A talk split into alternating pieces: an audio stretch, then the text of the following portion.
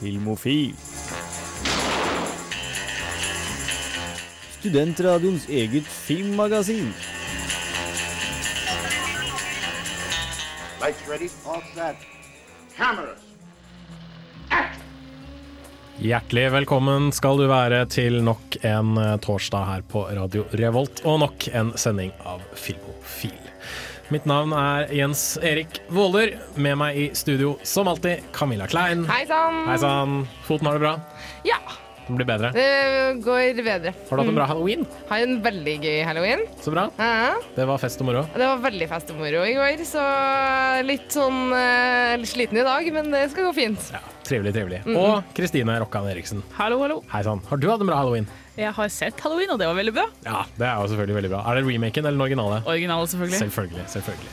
Men vi skal ikke snakke om halloween, vi skal nemlig snakke om James Bond i denne ukens sending av Filmofil. Vi kjører på med James Bond spesial. Og eh, gir dere en eh, eh, fullpakket time to med bare James Bond-låter. Vi skal jobbe oss litt kronologisk gjennom ting. Det blir kjempekult. Eh, føler meg litt sånn som James Bond nå, med liksom én jente på hver side. Det er litt kult.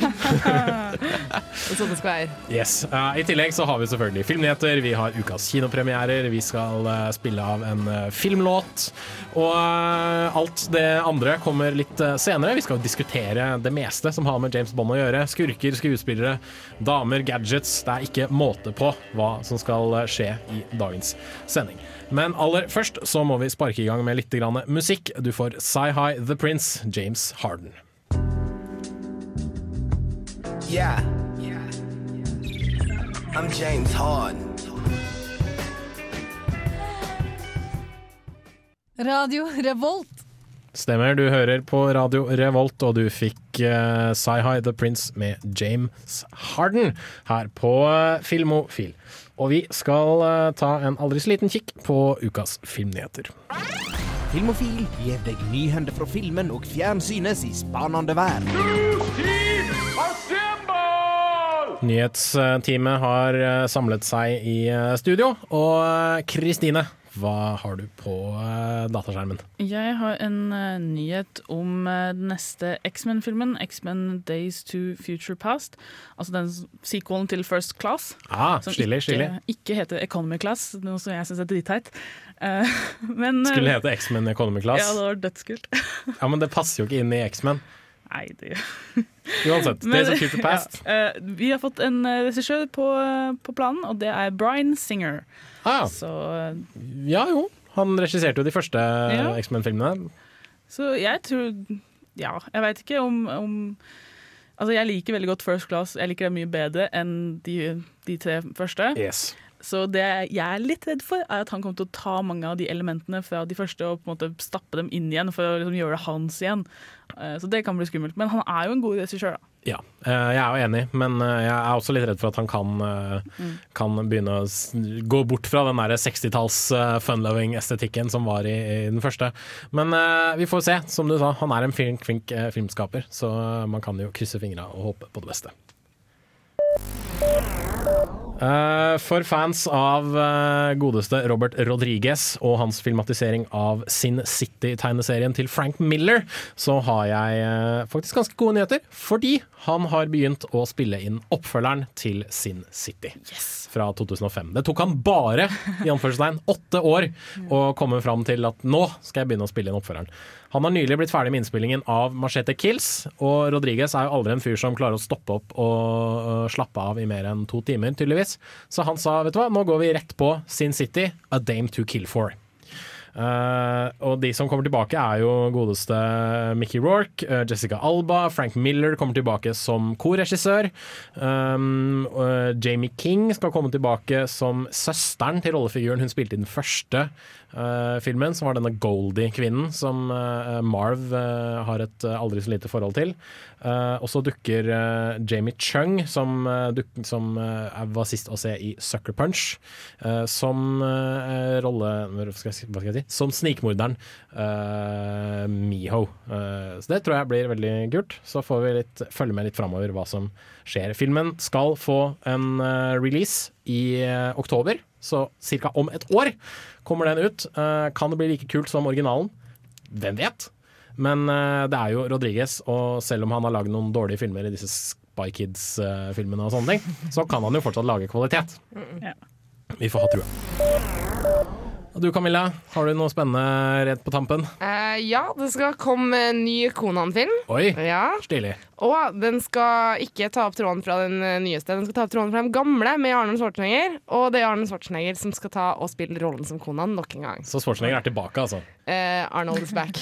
Men han er jo Hvor, hvor gammel er Arnold nå? altså, det er jeg litt usikker på, men han må nå være godt over 50 nå. Ja, og da er spørsmålet Kan han Altså skal han spille Han skal ikke spille en ung kone, han regner jeg med? Det, det som står her, er at de skal ta opp tråden fra de gamle Konan-filmene. Eh, sånn at de skal rett og slett fortsette der de originale slutta, eh, hvor Konan har sittet på tronen, liksom, og eh, ja. Han har sittet på tronen i 30 år. ja et eller annet. Jeg vet ikke. here for 30 years. Nothing's happening. I'm Ja, nå- I am bored, I I need to kill. ja, kanskje han er ja, Han er jo flink til å regjere da, når han har hatt ordentlig liksom, praktisk erfaring med å så, Det er helt fantastisk. Jeg Konan- Legend of Conan, The Governator. Ja, det har du det, vet du. Den skal hete The Legend of Conan. Her, da. Det Så, og det er Universal som skal stå bak igjen, sånn som de gamle. Så jeg tror det kan bli veldig veldig spennende. Ja, det høres i hvert fall morsomt ut. Eh, kanskje vi etter hvert får Son of Conan når, når Schwarzenegger har blitt for gammel. Nå snakker vi her, vet du. Ja, ikke sant? Vi. Hvor gammel begynner eh, Schwarzenegger-ungene å bli, egentlig? Nei, jeg vet da søren, jeg. Men uh, de, er jo gamle, de er jo gamle nok til å spille litt sånn der Ja, ja, ja. Sveidsvinger-helter, de også. Det kan bli stas. Kan de greie dialekten? Ja. Nei, eh, I don't think so. Nei, kanskje. Det var uh, første runde med filmnyheter for uh, denne gang. Vi skal jo ha litt grann mer, for det, er jo, det har skjedd en veldig, veldig veldig stor filmnyhet sånn i det siste som vi burde diskutere. Yes. Eh, de fleste sitter sikkert ved radioapparatet eller ved podkasten sin og river seg i håret og lurer på hvorfor vi ikke har nevnt dette store som jeg refererer til, som jeg ennå ikke gidder å nevne, fordi jeg skal liksom tease det og få dere til å sitte og høre på enda lenger, enda lenger ikke sant? Men det skjedd- ja, ikke sant, radetriks. Men det har skjedd noe stort. Det må vi selvfølgelig snakke om. Uh, og ikke minst, hva har det å si for uh, kommende filmer innenfor et spesielt univers som har noe å si for de aller fleste av oss. Men før den tid så hører vi litt på Klabbes bank med Snella.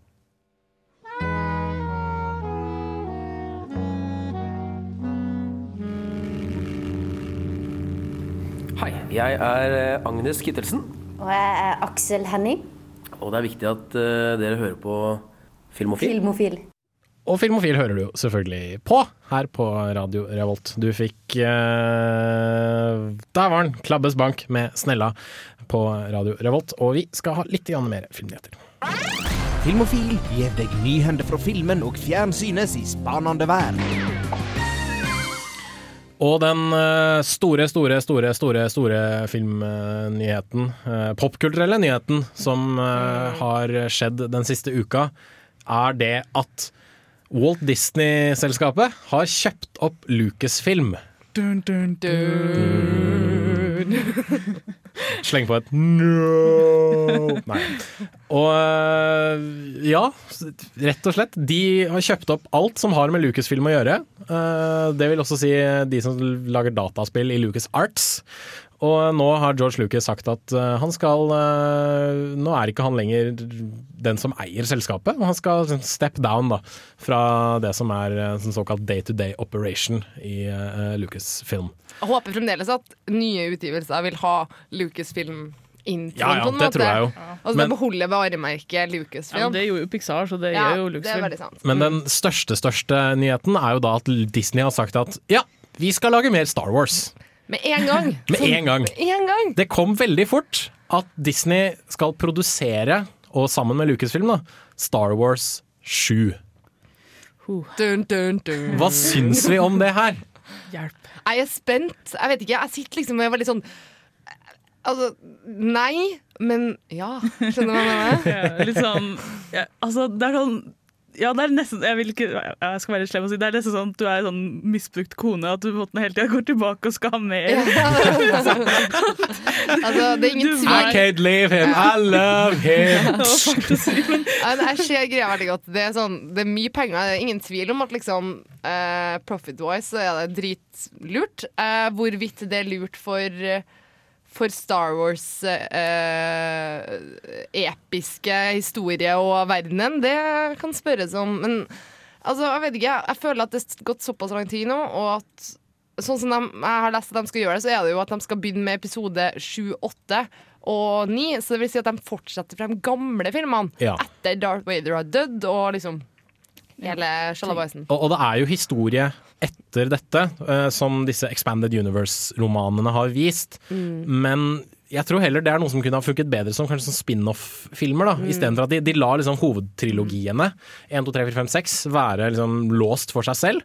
Og så kjører de på med ting som foregår kanskje enten samtidig eller rett etterpå, men liksom i en annen del da, av på en måte Star, hele Star Wars-universet. Ja, ja. Det tror jeg kunne gjort. Også, det er jo eh, Altså, type, det var jo ikke bare de her menneskene i alt, det var jo hele kosmos, skulle du si. Ja, ikke Så- sant? Men det er jo de som er på en måte Altså, det er de som er ikonene. Det, de fleste er fan av filmene og ikke har aldri vært borti Expanded Universe. Eh, Så jeg tror altså, produsenten, de som kommer til å, til å sette seg ned og tenke ut hva, hvordan disse filmene skal bli laget, de tenker Folk vil vite hva som skjedde med Han Solo, folk vil vite hva som skjedde med Luke og Leia. De bryr seg ikke om liksom, nye karakterer på dette stadiet. Nei, de skal ha brand recognition. Men allikevel, det er jo Star Wars. Ja, det og Star nok. Wars i seg selv burde jo selge nok. Ja, for jeg er uenig der, jeg også. Og sånn type at, uh, for min del, hvis jeg syns noe er dritkult, og jeg på en måte har gjort meg ferdig med en serie, folk som er fan de vil ikke vite hva som skjer med Han Solo. De vil ikke vite hva som skjer Ja, med men- Leia. Lea resten av gjengen Fordi de er, den, den er ferdig, den er hellig for dem. Og liksom, det å på en måte få en utdypning blant andre karakterer og andre deler av altså andre planeter. Sånn, sånn, det tror jeg kan være en bedre idé. Og så kanskje de løper inn i Han Solo, eller noe sånt. At de liksom bare kommer inn som sånn bikarakterer her og der, muligens. Men at det ikke er dem det handler om. Jo, jeg skjønner jo det. Jeg er helt enig i at jeg vil gjerne det. Men nå tenker jeg på produsentene, og de tenker ikke på fansa. De tenker på å lage, tjene mest mulig penger. Og da er det Han Solo og den gjengen som gjelder. De kan ikke nå introdusere en hel cast av nye karakterer. Nei, det er jo så. Men allikevel, uh, Mark Hamill er jo ca. 50. Det er jo Carrie Fisher også. Harrison Ford er vel godt opp i 60-åra. Ja, Men han tar seg bra ut. Det gjør han for så vidt. Men de kan, de kan jo på en måte ikke gå tilbake til de rollene. Jeg tror blant annet Carrie Fisher har på en måte liksom bare brutt alt av liksom bånd hun har hatt til Star Wars. Så det blir jo veldig spennende da om de skal ta disse figurene og caste dem på nytt. For det tror jeg ikke går. Nei. Det blir veldig, veldig vanskelig. Uh, men som du sier, hvis de skal gjøre spin-off-ting, så må jo introdusere oss for helt nye figurer, og det kan også være vanskelig. Uh, I tillegg så er det, liksom, det er sånn merkelig symbolikk på dette her også, fordi Lucasfilm var jo lenge den på en måte den store eh, produksjonsselskapet som sto utenfor hele Hollywood-systemet.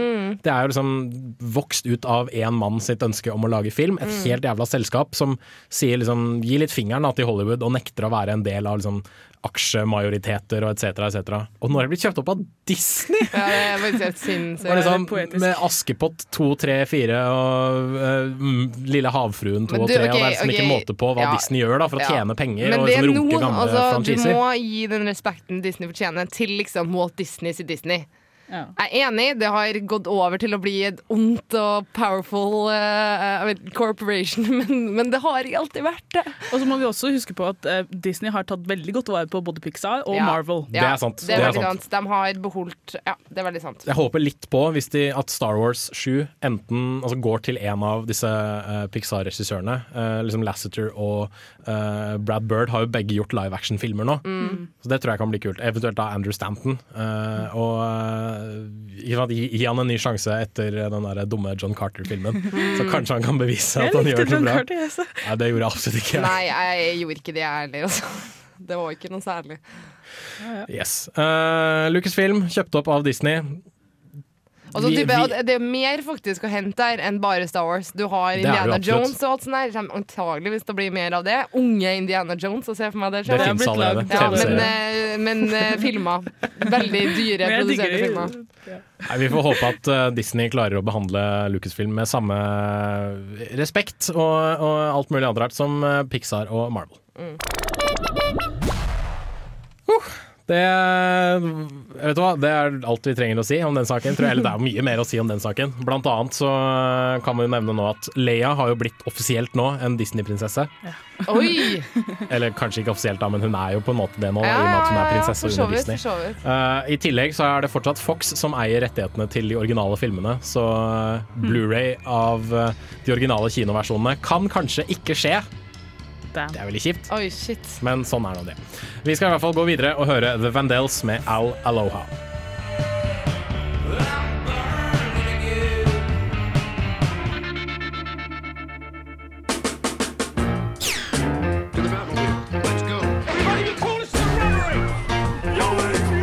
Dette er Filmofil. Film, fjernsyn, skuespillere, kamera, action. Ja, rubb og stubb her på Radio Revolt.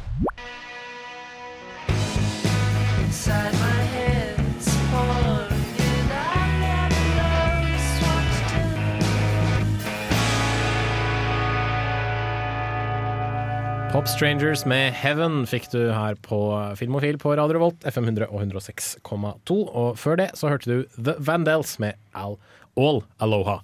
Vi uh, har kommet til ukas kinopremierer, og uh, først ut er skrekkfilmen Sinister, som uh, du har vært og sett, Camilla. Mm, Ja. Og du liker jo egentlig ikke skrekkfilmer. Det var mot min egen vilje. Skulle jeg si. Jeg trodde jeg skulle dra og se den nye filmen Uskyld. Yes. Men de hadde bytta om på filmtidene, sånn at den filmen som gikk når jeg kom på kino, det var Sinister. Og Hmm. jeg er lettskremt. Jeg er veldig lettskremt. Ikke spesielt eh, glad i skrekkfilm, og veldig, veldig derfor eh, sjanger eh, eh, forvirra akkurat der. Jeg vet ikke helt hvordan jeg skal forholde meg til det. Nei. Um, det var da en uh, Filmen er av, fra samme regissør og manusforfatter som uh, The Exorcism of Emily Rose. Mm. Og jeg syns det var en veldig god film. Eh, den handler om eh, handler om en mann som, eh, som er krimforfatter. Han skriver bøker basert på virkelige hendelser. Såkalte true crime-bøker. Yes. Mhm. Eh, og som med sin første bok flere år tidligere ble både kritikerrost og en bestselger, men har floppa etter den tid. Så i et desperat forsøk på å redde karrieren sin, så tar han med seg familien til en liten by i Pennsylvania og flytter inn i et hus hvor bare ni måneder tidligere en familie på fire ble hengt fra et tre i hagen, og den yngste dattera forsvant sporløst. Høres veldig ut som The Shining og eller uh, The Amityville Horror. Ja. ja. det si. uh, Det er sikkert en del uh, av den samme, men altså konseptet med at han dro til dette huset her fordi det hadde skjedd en ugjerning her. da. Han oppsøkte på den sånn. Og han forteller jo selvfølgelig ikke det her til familien sin, fordi de er jo freaka ut av alt det her fra før av. Um, så begynner liksom å gjøre undersøkelser om hva som skjedde, og er helt sikker på at hvis den klarer å oppklare mysteriet her, så vil den Så vil den skrive en bestselger. bestselger og bli en helt, da. Eh, og så er han rundt om på huset skal legge fra seg noe opp på loftet, eh, og så ser han at det er en kasse med sånn 8 mm film og en, og en tilhørende prosjektor her, da. Og det er jo skummelt nok i seg sjøl, egentlig. Så allerede, allerede når jeg ser de filmrullene her, så begynner det liksom å dunk, dunk, dunk. Eh, Han tar selvfølgelig med seg voksen boksen her ned på kontoret sitt uh, og ser gjennom hva filmrullene her heter. Så de er vanlige titler, sånn type familiehendelser som barbecue, family hanging out og pool party. Uh, og de her filmene viser da fem forskjellige familier blir drept på makabert vis. Ja, det er veldig creepy, faktisk. Det er helt sykt. Eh, Det eldste drapet går tilbake inn til 1960-tallet, og det nyeste er jo nå bare ni måneder tidligere, 2011. Så er de, så er de skilt av både tid og sted, eh, så det er lite som tyder på at det skal være samme gjerningsmann. Men det er sånn urovekkende sånn mann som finner seg inni bildene her. Da. Så det, er liksom, det er ikke en mann eller en sånn maskelignende figur. Så det, og det er ingen andre som har sett den før. Da. Det er bare han som har sett den. og sånn, så det er ikke noe de andre har merket til. Det er bare han som har sett det her nå. Eh, så utvikler det seg derifra, da. Eh, Tilsynelatende en veldig skummel film, altså. det, det er en veldig skummel film. Ble du redd? Jeg var kjemperedd.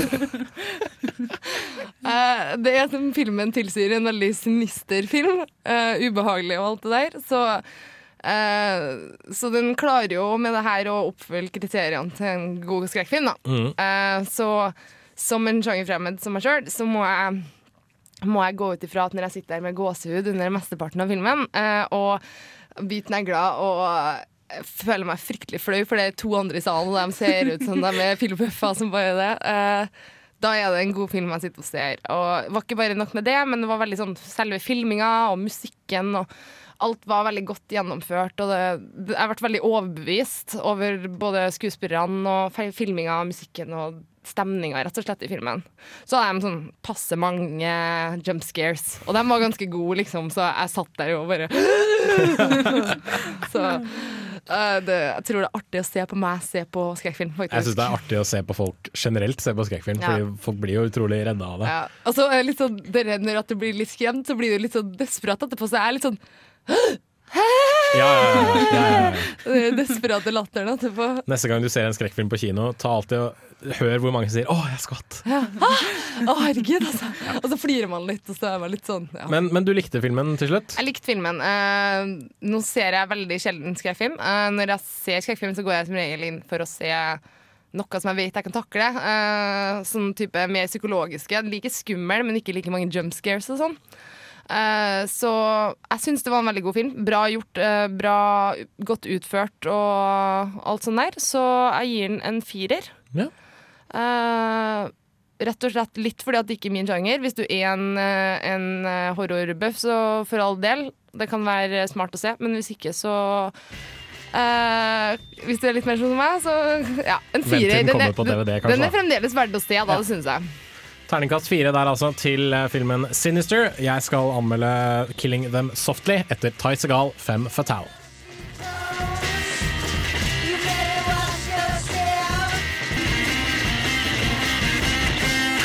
Ty Segal der altså med Fem Fatale fikk du her på Filmofil på Radio Revolt. Vi anmelder ukas kinopremierer, og her får du min anmeldelse av nye gangsterfilmen 'Killing Them Softly'. Mark Trapman's game was hit a couple of nights ago. Hey, hey, hey! Give it all up, nobody gets hurt. It's only money. Filmer om økonomiske nedgangstider er ikke akkurat noe nytt, men 'Killing Them Softly' setter formelen på hodet og gir oss en gangsterfilm med økonomisk nedgangskrise og presidentvalg som bakgrunn. Filmen er en hardtslående, brutal og kynisk metafor for USAs siste økonomiske krise, og fungerer helt greit som det, med en ypperlig Brad Pitt i hovedrollen. So where do we go from here? We start with Trapman. They are not okay anything major here. What does that mean? They just want you to talk to them. Hey, what's going on? Hey, hey! Talk to them. Shove them around a little. Don't hurt them too badly, because they don't want them hurt. To småskurker raner et mafiafinansiert pokerspill og legger skylden på en mafiaboss som har forsøkt seg på akkurat dette før. Dermed blir leiemorderen Jackie Cogan, spilt av Brad Pitt, kalt inn for å rydde opp i sakene og få gangsterne til å begynne å gamble igjen. Denne tilsynelatende enkle historien bruker regissør Andrew Dominic som en allegori for den økonomiske situasjonen i USA, slik den var før presidentvalget i 2008. Gangsterne i filmen er redde for å bruke penger på gambling, akkurat som det amerikanske folk var redde for å bruke sine egne penger og stole på sitt lands økonomi. You're in a position very few guys ever get in. You have choices. Look, I don't know if I can do this. You made a mistake, and you gotta make things right. There's a man Filmen presenterer underteksten subtilt i begynnelsen, men den blir etter hvert noe tyngre levert. Opptak fra president Bush sine taler om den økonomiske krisen blir spilt av på både radio og TV i flere nøkkelscener, og det føles litt som om allegorien stappes ned i halsen på meg. Samtidig virker den ganske unødvendig, da dette kunne vært en ganske kul gangsterfilm uten allegorisk subtekst. We got the two kids. One of them starts bragging about how he just knocked over this guy's game for 100K. I don't know what it is with these guys. They can't keep their mouth shut about nothing. Goes up like a bonfire. I love it. Miljøet vi trer inn i er dominert av menn, og de viktigste hovedpersonene er alle hardbarka gangstere eller leiemordere. Ingen av dem er spesielt likandes typer, og den eneste man i det hele tatt kan relatere seg til, er Brad Pitt, som for øvrig gjør en fantastisk og moden rolletolkning av leiemorderen Cogan. Dette miljøet er også meget voldelig, der du virkelig føler hvert slag og hvert pistolskudd gjennom filmens lydmiks. Blod spruter til alle kanter, folk griner seg i senk, og volden er så langt fra glamorøs og stilisert som det går an, men aldri så brutal at man føler seg tvunget til å se vekk. Hvis noe føles volden som en nødvendighet i forhold til det gangstermiljøet vi får delta i, og regissør Dominic takler det hele med en voksen tilnærming. Cry, they plead, they call for their mothers. And the man comes around. Men til tross for subtekst, sterke voldsskildringer og gode rolleprestasjoner fra folk som Brad Pitt, Ray Liotta og Scoot McNairy, skjer det overraskende lite i 'Killing Them Softly'. Og dette er filmens største problem. Handlingen er rett og slett for tynn. Det er veldig mye prat og dialog i filmen, men brorparten kunne du ha klippet bort da den er irrelevant. Dermed kunne du sikkert ha fått en bedre og kanskje kortere film i tillegg. Det er mye bra å hente i 'Killing Them Softly', men vær forberedt på mange intetsigende og overflødige scener. Terningkast fire. Don't make me less. I'm living in America. And in America, you're on your own.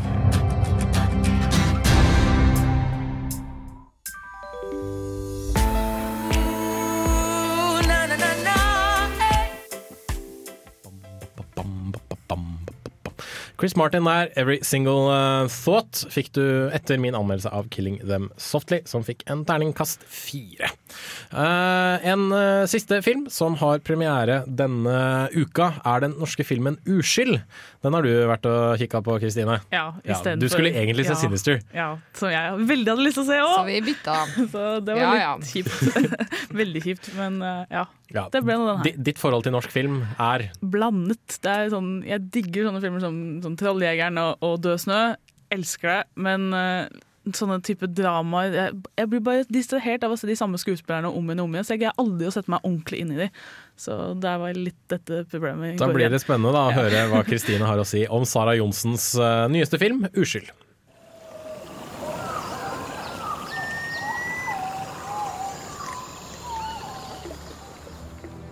Midt i skogen kommer en uskyldig kanopadler over en død mann. Han har blødd i hjel fra et knivstikk i låret. Ved siden av han ligger en kvinne nær døden, og litt lenger inn i skogen finner de enda en mann, denne slått i hodet med en stein. Gjennom en serie tilbakeblikk og fortellerstemmen til politikvinnen som leder etterforskningen, får vi se hvordan disse tre endte der de gjorde. Jeg vet ikke hva jeg skal gjøre med henne.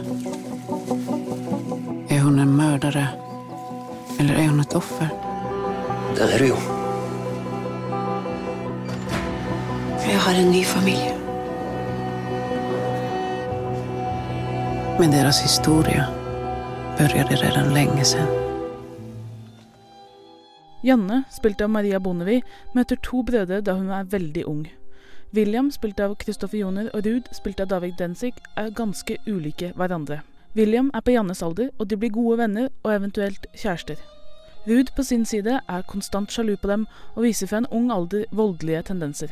Det å spille en så gjennomgående ekkel person uten at det blir for mye, er en kunst, og dette greier Densik utrolig bra.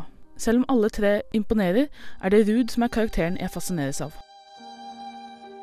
Janne og William sitt forhold er litt vanskeligere å komme inn på. Vi må bruke hele filmen for å få bakhistorien, men fremdeles er mye av deres oppførsel uforståelig for meg. Ingen av disse menneskene er helt uskyldige, og det er nok det som er litt av poenget. Men jeg ble sittende og lure på hva jeg skulle få ut av filmen. De lever som Adam og Eva i skogen, og filmen virker ved første øyekast å ville si noe om menneskelig natur og, ja, uskyld. Problemet da er at det er vanskelig å fortelle noe som helst om mennesker når alle hovedpersonene har noe umenneskelig ved seg. Hei. Hei. Hvorfor kommer du nå? Jeg kom tilbake for å være med deg.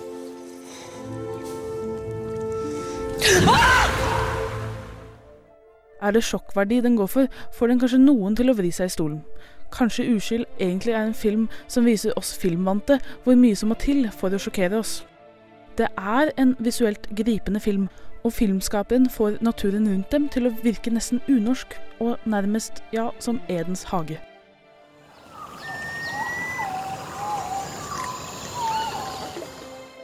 Uskyld sin sterkeste side er fortellerteknikken. Tilbakeblikkene trenger aldri noen introduksjon, og vi går fra forskjellige tider i deres liv med en flyt som jeg sjelden ser.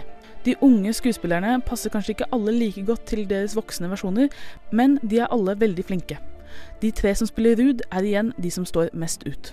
Når vi endelig sitter med hele historien, var jeg overrasket over hvor behagelig brikkene ble lagt ned. Men brydde meg egentlig ikke så stort om hva bildet ble. Det blir et spørsmål om stil over innhold.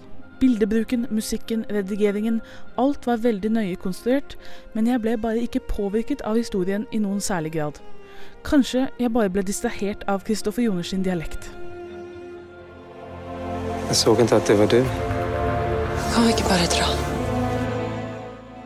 Hvis du er veldig glad i disse skuespillerne og sakte creepy dramaer, er dette nok nøyaktig det du leter etter. For meg blir det en terningkast tre.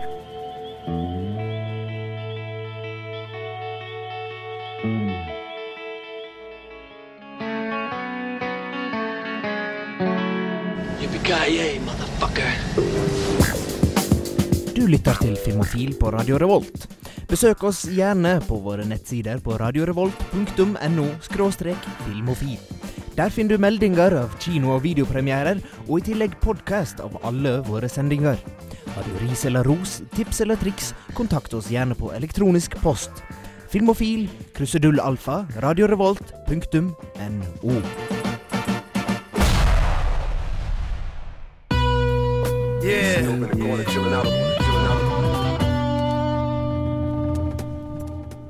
Play it once, Sam. Det er jo alltid å ha musikk når den er påtent. Helst noe indisk eller pakistansk. Ukas filmlåt. Det stemmer, vi skal til eh, ukas eh, filmlåt, men aller først så kan jeg jo nevne litt hvilke låter du hørte i stad. Du fikk Action Bronson med The Symbol og Alba Lua med When I'm Roaming Free. Um, ukas filmlåt er eh, inspirert av James Bond, men det er ikke James Bond. For jeg tenkte at jo da, vi skal ha James Bond spesial. Da burde jeg velge noe James Bond-aktig, men hvilken James Bond-låt velger man? For det er jo så sinnssykt mange av dem. Mm. Så tenkte jeg ok, da driter vi i å prøve å velge én James Bond-låt ut av 24. Uh, eller 23 er det vel kanskje? 22. 23. Dr. No hadde vel teknisk sett 22, da. Uh, ok, da går vi til eh, noe annet. Så tenkte jeg sånn Austin Powers. Så nei, men det er bare den derre eh, den der Soul Bossa Nova-greia. Det er liksom ja, ikke sant? Alle har, den, den har vi hørt før. Så gikk jeg enda litt lenger ned da og tenkte at yes, plutselig en dag så tenkte jeg vet du hva, nå har jeg det. Fordi eh, det finnes en James Bond-parodi som heter så mye som Spy Hard. Med Leslie Nilsen i en av hovedrollene, og jeg digger Leslie Nilsen. Han er en fantastisk skuespiller, og ikke minst en fantastisk humorist. Eh, så ukas uh, filmlåt er rett og slett hentet fra filmen Spy Hard. Og det er Weird Al som synger den. Og det er liksom Det er den mest Bond-aktige ikke-James Bond-låta som fins. Mm. Vil jeg tørre å påstå. For den starter liksom sånn du forventer at en James Bond-låt skal starte. Sant? Strykere, trompeter etc., etc. Veldig sånn bombastisk. Og så går det ned, litt piano, trompetene kommer tilbake, ikke sant? tromboner etc. Så vi bare kjører på med Weird Al med Spy Hard. A man of intrigue, he lives for the thrill. Weird Al holder tonen i det uendelige når han synger Spy Hard. Og uh, i åpningssekvensen til filmen så tror jeg faktisk han eksploderer. Ja, han, han synger, han synger så hardt at hodet hans sprenger. Det er Favoritten min er når du, når du svømmer blant alle pene damene. i En sånn skikkelig feit fyr. Det, det er så jævla bra. Så det var Spy Hard, ukas uh, filmlåt, inspirert av James Bond. For vi skal ha James Bond spesial som begynner sånn cirka nå. Og um, for å sette litt grann, uh, altså, som, som nevnt tidligere, vi skal jo nesten bare spille Vi skal bare spille James Bond-låter Mm. i den kommende timen, og det syns jeg er kjempekult. Uh, så jeg gravde litt grann i musikkarkivet og fant fram litt forskjellige låter fra forskjellige bånder. De aller fleste har uh, to låter ved sitt navn. Noen av dem har én. Det er henholdsvis Dalton og uh, Lazenby. De får én låt hver, fordi de var jo bare i én og to filmer. Uh, men jeg tror liksom før vi setter virkelig i gang, så for å liksom komme litt grann i stemning, så fant jeg også en medley av diverse James Bond-låter. Som jeg syns vi skal kjøre i gang. From Russia with love, I fly to you. Gold Goldfinger. He's the man, the man with the Midas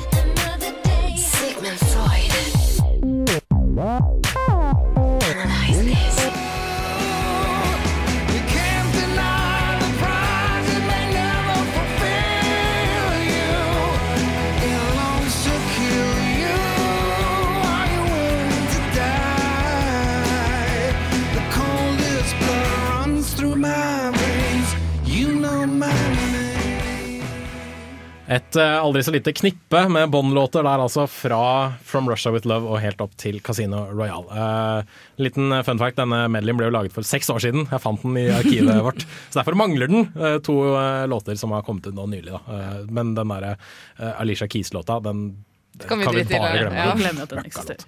Men det er jo utrolig mange sterke navn her. Mm.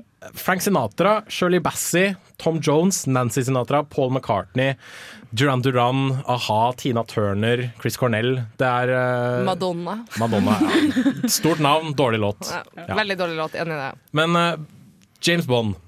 Hva er det som er så kult med James Bond? Åh. Det, altså, Alt? ja, det, altså, det er så mange momenter. Altså, alt fra gunneren til bilen til dressen til mannen til damene til sangene.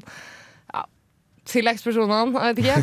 Det er vel at han på en måte representerer den liksom fantasy-mannen da, som, altså, som gjør alt så lett og liksom lever i en verden som, som aldri sikkert har eksistert sånn som den gjorde på filmen.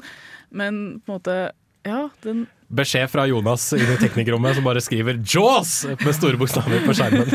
Ja, han er kul, han òg. Men er, er det kanskje litt med at det er, ja, det er den kule, sofistikerte mannen som liksom som er, er sånn Han, ja, han kan jo alt. Det er liksom, ja, ja, Han hopper i helikopter, selvfølgelig kan han å kjøre helikopter. Han eh, hopper på motorsykkelen, selvfølgelig kan han å gjøre helt syke triks der. Og sånn, han kan absolutt alt. Altså, han går alltid rundt med fallskjerm. er Bare?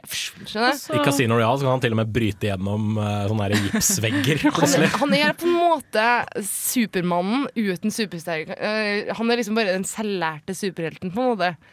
Også, men liksom på en annen måte altså, nå, nå tenkte jeg med en gang Batman når du begynte å si det, men eh, han, på en annen side så, så får han liksom Han har draget på damene. Han er, han er veldig sånn Altså, han er suav, ikke sant? Ja. Han har ikke noe sånne problem Han har indre demoner, men han skjuler dem, ikke sant?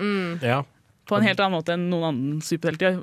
Jeg tror også han, han er veldig flink til å representere kanskje tiden han er i også. Det òg. Sånn 60-tallet, veldig mye eh, med, med Sean Connery og sånt nå. Det var liksom frykten for eh, ja, en tredje verdenskrig, og Mm. der hadde du liksom James Bond som plutselig dukka opp da, som den ene mannen eh, som ikke, ikke er amerikaner, men er britisk, og kan, liksom, kan avverge x antall forsøk på å sparke i gang eh, tredje verdenskrig. Mm. Ja, du har liksom de referansene som tar også ty- tyder på tida hele tida. Sånn, du har en del sånn hippie-referanser i de tidlige filmene der, Mm. og så utvikler det seg etter hvert, liksom. Og det merker du også veldig godt på sangene, som vi snakka om i stad.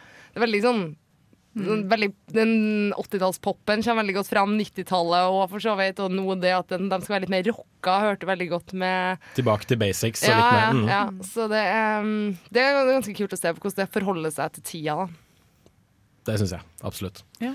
Og øh, jeg syns vi bare skal kjøre i gang med første Bond-låt, som jeg tror de aller fleste burde dra kjensel på. Jeg tror kanskje det er den låta de fleste går til når de tenker liksom kvintessensielle Bond-låter. Mm. Med ikke sant? Ja, trompetene, litt enkelt gitarspill, uh, trombonene, veldig mye blåsere. Mm. Yes. Shirley Bassey med Goldfinger. Goldfinger. He's the man, the man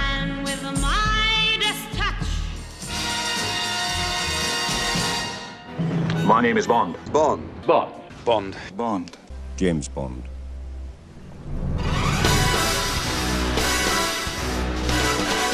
Der hørte vi jo selvfølgelig samtlige James Bond uh, introdusere seg selv, minus uh, han fra den originale Casino Royale, som var Peter Sellers, tror jeg. Ja, men han teller ikke. Nei, ikke sant?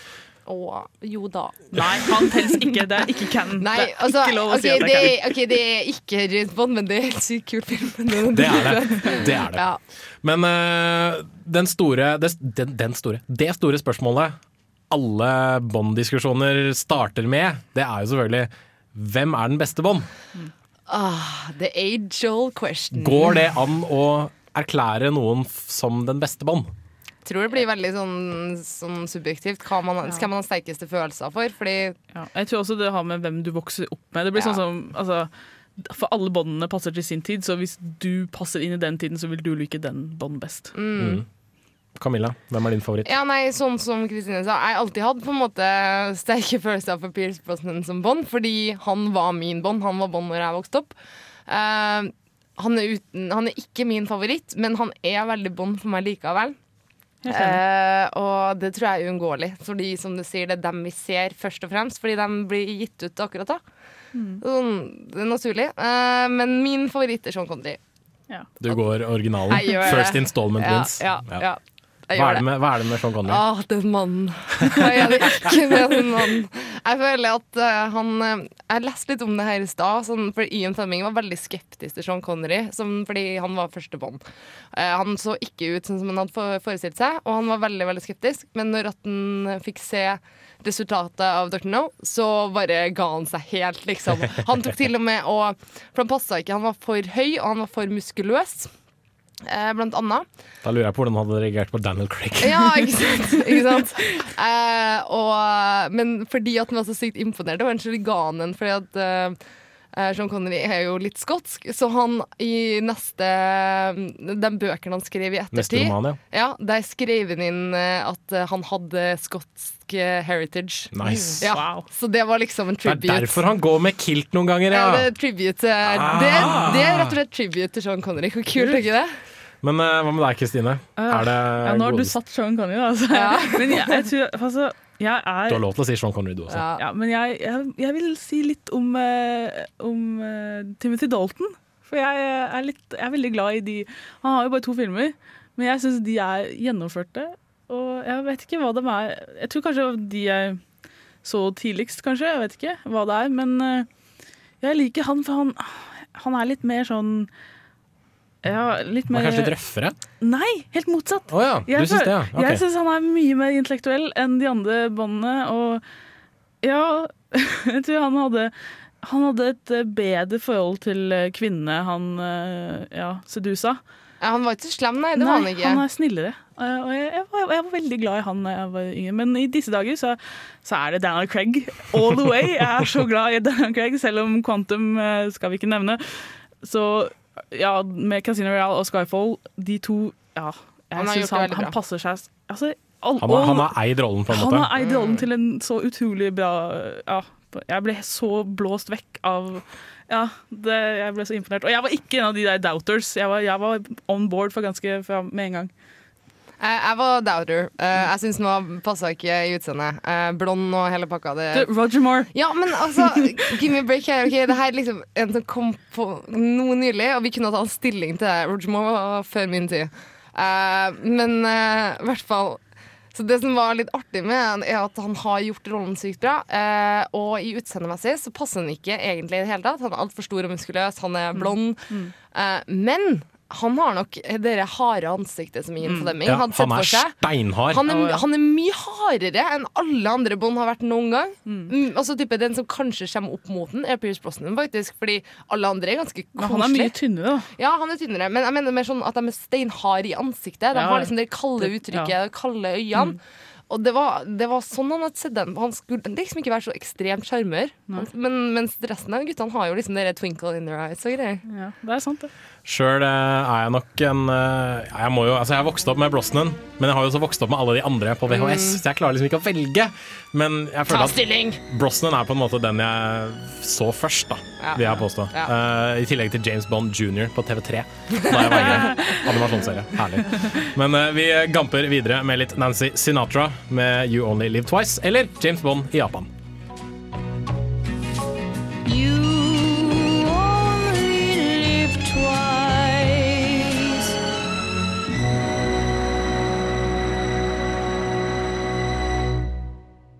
Father, for I have sinned. That's putting it mildly, 007. Og eh, James Bond eh, vil jeg påstå synder ganske ofte. Jeg tror det klippet her var fra Moonraker, hvis jeg ikke tar helt feil. Der eh, Q og resten av British Intelligence har gjemt seg inni en kirke. Men James Bond er jo en kul mann, men en kul mann defineres jo ofte ut fra sine skurker. Har vi en favoritt-Bond-skurk? Ja, har det. Kjør på, Kristine. Eh, litt sånn eh, Kanskje ikke veldig skurkete, men jeg er bare fordi jeg er favorittfilmen min også, Golden Eye, eh, så er det Alex eh, Trevelyan som fordi nettopp han er Han Ja, du, du tror ikke at han er skurk med en gang, og jeg liker skurker som er litt i gråsonen. Mm. Og jeg, jeg syns bare For ja, mange syns kanskje at det er liksom nå i det siste med Daniel Craig at, han, at Bond har blitt mer sånn Han har indre demoner og sliter med drikking og ja, piller og alt sånne ting. Men allerede ved Golden Eye så hadde du det derre ja, emotional damage som Alex forårsaka i, i eh, Alec. Ja, Alec, unnskyld. Eh, som, som Brosnan sin Bond må slite med. Og ja, jeg bare Jeg liker sånne skurker som liksom hit, hit it, hits it where, where it hurts. Liksom. Der! Det liker jeg. Hva med deg, Camilla? Uh, nei, uh, altså for min del så har jeg nettopp vært og sett Skyfall, så den sitter veldig ferskt i minnet. Uh, Javier Bardem er en utrolig, oh, ja. utrolig dyktig skuespiller. Og spiller skurk som veldig få andre, syns jeg. Uh, og jeg syns han gjør en ekstremt bra eh, rolle som skurk i, mm, i Skyfall. Da. Absolutt. Og, det som er så artig, er at de kommer med sånne tendenser som har vært veldig tydelig, nei, tydelig i veldig mange andre filmer, om at han er liksom litt sånn eh, har noen homoseksuelle trekk, liksom. Og det er jo veldig typisk Hollywood-film å gjøre skurkene sine homo. Gay is evil. Eller gay, da, om du vil. Eh, og, um, og han tar liksom og prøver seg med noe sånt her mot James Bond, og så sier James Bond bare Hehe, Don't you think I've been down that road before? og så sitter han bare smekken, fordi han jobber så hardt for å få Bond ukomfortabel, og det går ikke, liksom. Han bare flirer det bort, og det var awesome. Det var gjennomført. det. Ja, det var sykt kult. Og så i tillegg, han har noe sånn um, struktur inni ansiktet sitt fordi at den har blitt skada. Og når at den eh, på et eller annet tidspunkt tar ut det her, og ansiktene synker sammen, så var det Gud, ekstremt ubehagelig å se på. Det var jævlig kult, egentlig. Det var så creepy. Sjøl har jeg en eh, favoritt i en uh, ganske Han har jo spilt stort sett skurker i hele sitt liv. Christopher Lee. Selvfølgelig. Som Francisco Scaramanga, Ja. The Man with the Golden Gun. Mannen som uh, i hvert fall som ferdighetsmessig er like god som James Bond. Eh, I hvert fall sånn er det i filmen. Og jeg så nylig The Man with the Golden Gun på TV. Den gikk eh, forrige helg, tror jeg faktisk, på TV3, som sånn nattfilm. Så da satt jeg og koste meg da med, med godeste Christopher Lee som skurk, som er en liten sånn dvergecompanion. Veldig morsomt. Eh, så eh, ja, det er jo x antall andre skurker å ta av, men eh, et lite knippe har de i hvert fall fått. Vi eh, fortsetter med litt flere James Bond-låter, vi. Og eh, jeg tror kanskje de aller fleste syns at John Barry sitt uh, score fra On Her Majesty's Secret Service er en av de beste. Det har i det minste blitt kåret til et av de beste Bond-soundtrackene som fins. Og eh, jeg tror det er det de fleste hører inni seg når de tenker James Bond. Så her får du John Barry, On Her Majesty's Secret Service.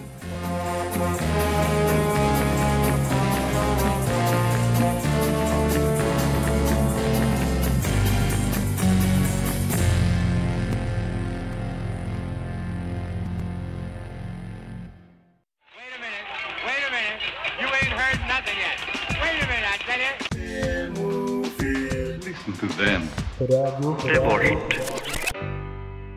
When you were young and your heart was an open book. Looks more fitting for a woman. You know much about guns, Mr. Bond? No, I know a little about women. Det gjør han så sannelig. Er James Bond, altså. He knows a little bit about women. Uh, vi hørte jo der uh, Altså Låta du hørte, var jo selvfølgelig uh, Paul McCartney og The Wings med 'Live and Let Die'. Og før det så spilte vi litt John Barry med 'On Her Majesty's Secret Service'. Men han vi hørte i dette klippet som vi spilte av, var jo gode Connery. Og eh, vi tok litt for oss vi har, Til denne sendinga så bestemte vi oss for å ta for oss litt forskjellige filmer fra de forskjellige bandene. Og du Camilla kikka litt på Goldfinger. Yes, sir. Hva er det som gjør Goldfinger til en liksom, typisk Connery-film? Uh, oh, typisk Connery-film. Okay, Eller er det en typisk Connery-film? Det er den tredje filmen uh, som er lagd av James Bond. Den tredje filmen til eh, Sean Connery. Og det er en utrolig utrolig bra film. Det er nok en av mine favoritt-James Bond-filmer. Eh, du har alle de herlige momentene. Altså, du, har, eh, du har skikkelig bra bad guys i, eh, i Arik Goldfinger. No, Mr. Bond, I expect expect you to die. Ja. Helt fantastisk. Og så har du hans manservant Ajab.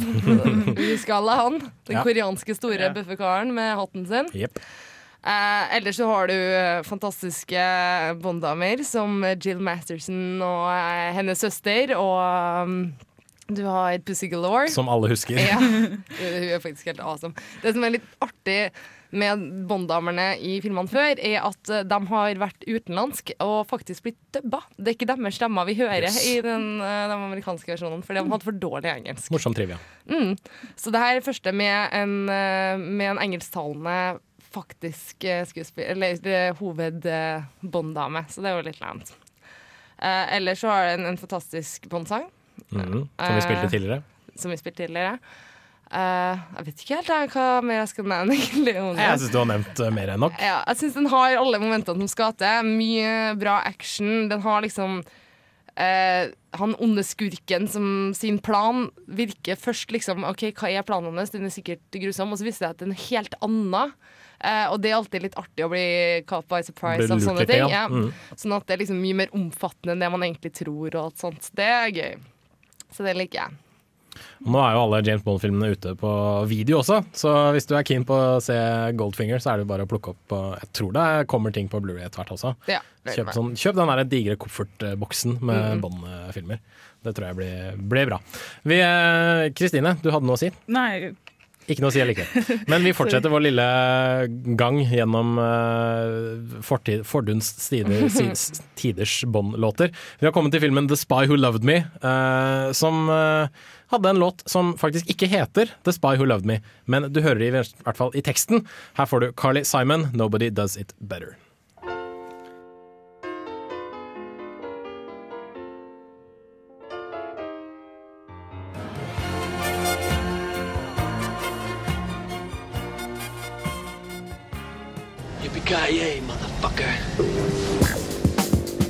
Lytter til Filmofil på Radio Revolt. Besøk oss gjerne på våre nettsider på radiorevolt.no. Der finner du meldinger av kino- og videopremierer, og i tillegg podkast av alle våre sendinger. Har du ris eller ros, tips eller triks, kontakt oss gjerne på elektronisk post. Filmofil, krusedullalfa, radiorevolt.no.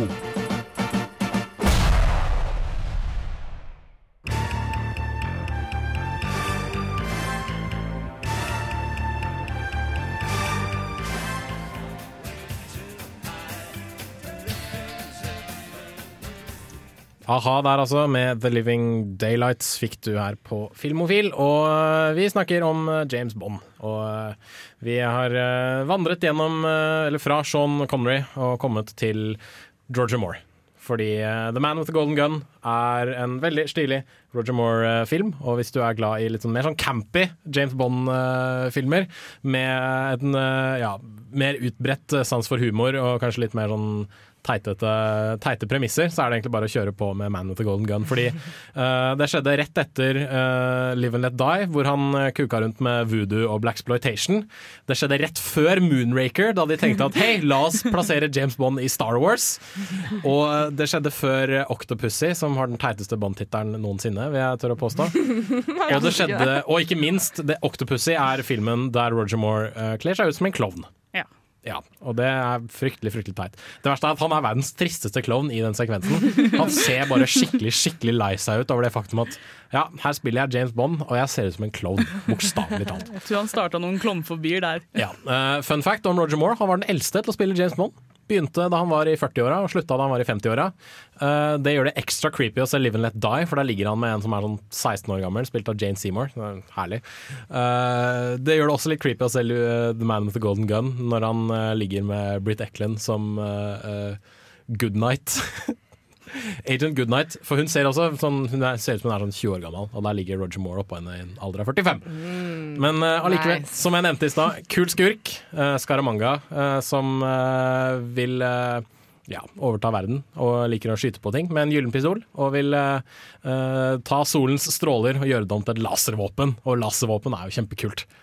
Eh, og så drar James Bond til eh, ja, Thailand og Kina, så er det litt karategreier. Og det hele er bare fullstendig fjollete og tullete. Men sånn var det jo med Roger Moore sine James Bond-filmer. Så Derfor syns jeg Man with Gone Gun er ganske kul. Jeg merker at vi går litt på sånn eh, gyllent tema. Fordi uh, Camilla snakket om Goldfinger, jeg snakker om Man with Gone Gun. Og etter at vi har hørt litt uh, Tina Turner, med selvfølgelig Golden Eye, så skal Kristine få snakke litt om nettopp Golden Eye. Golden Eye. Ja. Vi liker gull her i studio. det. Det er veldig mange Bond- Bond-filmer som har noe med gull å gjøre. Ja, jeg, tror vi, jeg tror vi dekket dem alle tre nå. Ja, i hvert fall ja, Er det bare tre? Det er kanskje bare tre. Og så er det litt diamanter og litt andre ting. Casino Royale handler jo om pang, i hvert fall. Altså. Ja. Men uh, uansett, Tina Turner og Golden Eye Jeg er ikke så fan av Tina Turner, men jeg er fan av låta. Jeg er Fordi filmen er så skikkelig kul. Mm. Så eh, jeg tror vi bare sparker i gang Tina Turner med Golden Eye. Fra filmen Golden Eye.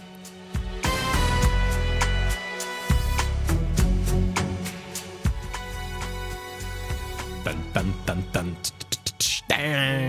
Tina Turner der altså, med Golden Eye, som ble lagd eh, seks år etter Bond-filmen som kom før den. For så, den handler jo om James Bond også. Filmen, altså, ja, teksten. Veldig kult. Mhm. Men uh, du, er, du liker Golden Eye. Jeg er veldig, veldig glad i Golden Eye. Den er topp tre, liksom. Det er det, ja. Hva er eh, de andre? Åh, gud. Jeg er veldig glad i Casino Royale, bare fordi Ja. Ja. Og så Nei, og kanskje uh, View to a Kill, faktisk. Jeg er veldig glad i den. Jeg vet ikke hvorfor. Uh, Duran Duran. Ja, kult. Mm.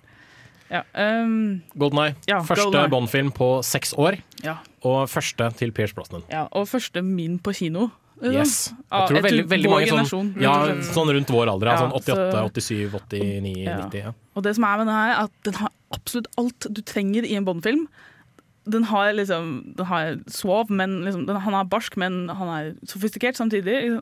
Det, mm. Du har Sean Bean som skurk, som er hallo. Sean Bean er jo kul. alltid. Og du har eh, liksom den fem fatell med morsomt navn, On the Top. Ikke sant? On the top, on the top of things.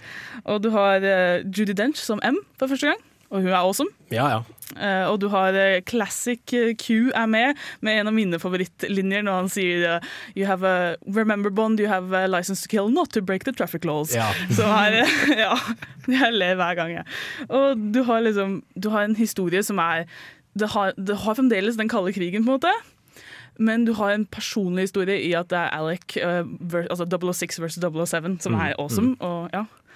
og du har store eksplosjoner, men liksom og, og sakte biter hvor han liksom er bare med dama og sier å, jeg har det gøy på Det var, stranda. det var kanskje også den filmen som på en måte beviste at James Bond kan funke uten den kalde krigen også. Ja. For det sier jo M at I think you're a, a dinosaur, sier Ja. jeg, ikke sant? Chauvinist dinosaur. Ja. uh, og, men Bond lever videre, ikke sant? Du har fremdeles skurker i verden, selv om du ikke har liksom, de standardskurkene. Det er Selv om det ikke ikke er russerne lenger. Det er alltid en internasjonal krise. Ja. Enten det er avismoguler eller tidligere agenter. Og så digger jeg at, at uh, dama som er liksom Du har liksom fem fatell on the top, og så har du hun uh, russiske hackeren, Natalia. Da. Ja, Natalia Simona. Og hun har faktisk liksom en funksjon i historien utover å være bare båndkjerring. Hun, liksom, hun hacker og liksom er smartere enn han Det er hun som styrer, altså, han banker opp skurken, hun Ja. styrer satellittene. Ikke sant? Mm. Det syns jeg er veldig kult. At liksom, hun, hun må liksom, liksom Hallo, gå og gjør jobben din! Nå driver jeg på det her! Nå skal du gå liksom være Bånd! Så jeg digger det at han, han Bånd er ikke ekspert i alt. Han må faktisk ha litt hjelp. Og det er også veldig mange gode skuespillere, både på liksom helte- og skurkesiden. Du nevnte jo Judy Dench og alle de der, men han Ja. godeste uh, Alan Cumming som Ja, Boris. I am invincible! Ja, han jeg er alltid herlig. glad i han. Også ikke minst Robbie Coltrane som, Ja, ja, ja, ja, ja. eh, som Dimit Dimitrovic, eller noe sånt. Han er jo herlig, også med hun, eh, hun kjæresten Å, Jeg husker ikke hvem som spiller kjæresten. hun driver og gauler som en katt inni Ja, det er Mini bar. Driver. Ja, Mini Driver, selvfølgelig. Det er herlig. Altså Det at han er skurk, men liksom ikke Han er kul for det. Mm. det digger jeg. Golden Eye der altså. Er du eh, interessert i en eh, kul eh, Bond-film av nyere tid, så tror jeg det bare er å kjøre på. Og vi går til en ny Bond-låt fra uh, Pierce Brosnan-æraen, nemlig til Garbage. Punkband Det er vel kanskje ikke punkband, tror jeg, men uh, popbandet Garbage, som uh, fikk lov til å lage Bond, eller, låta til filmen The World Is Not Enough. Og gjorde en veldig bra jobb, syns jeg. Mm, en veldig kul enig. musikkvideo. Det er det. Ikke Awesome. minst. Så eh, her får du Garbage, The World Is Not Enough. Dette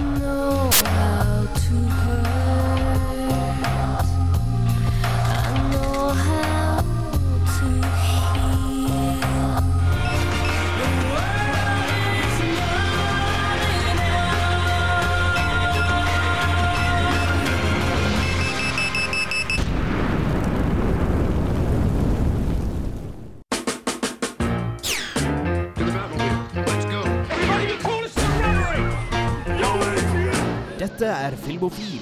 Film, fjernsyn, skuespillere, kamera, action. Ja, rubb og stubb her på Radio Revolt.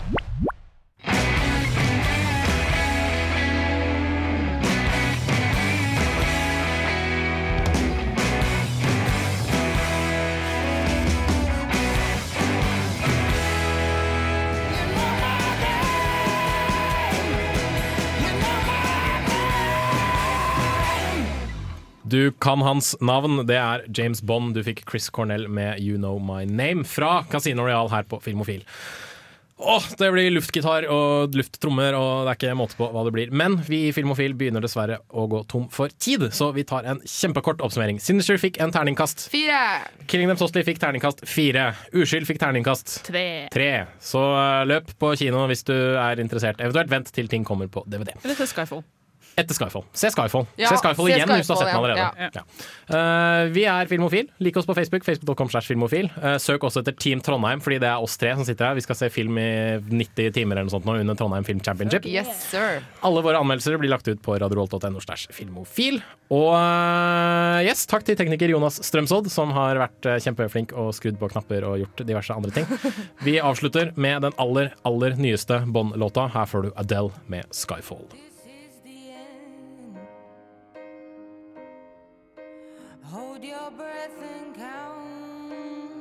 to ten.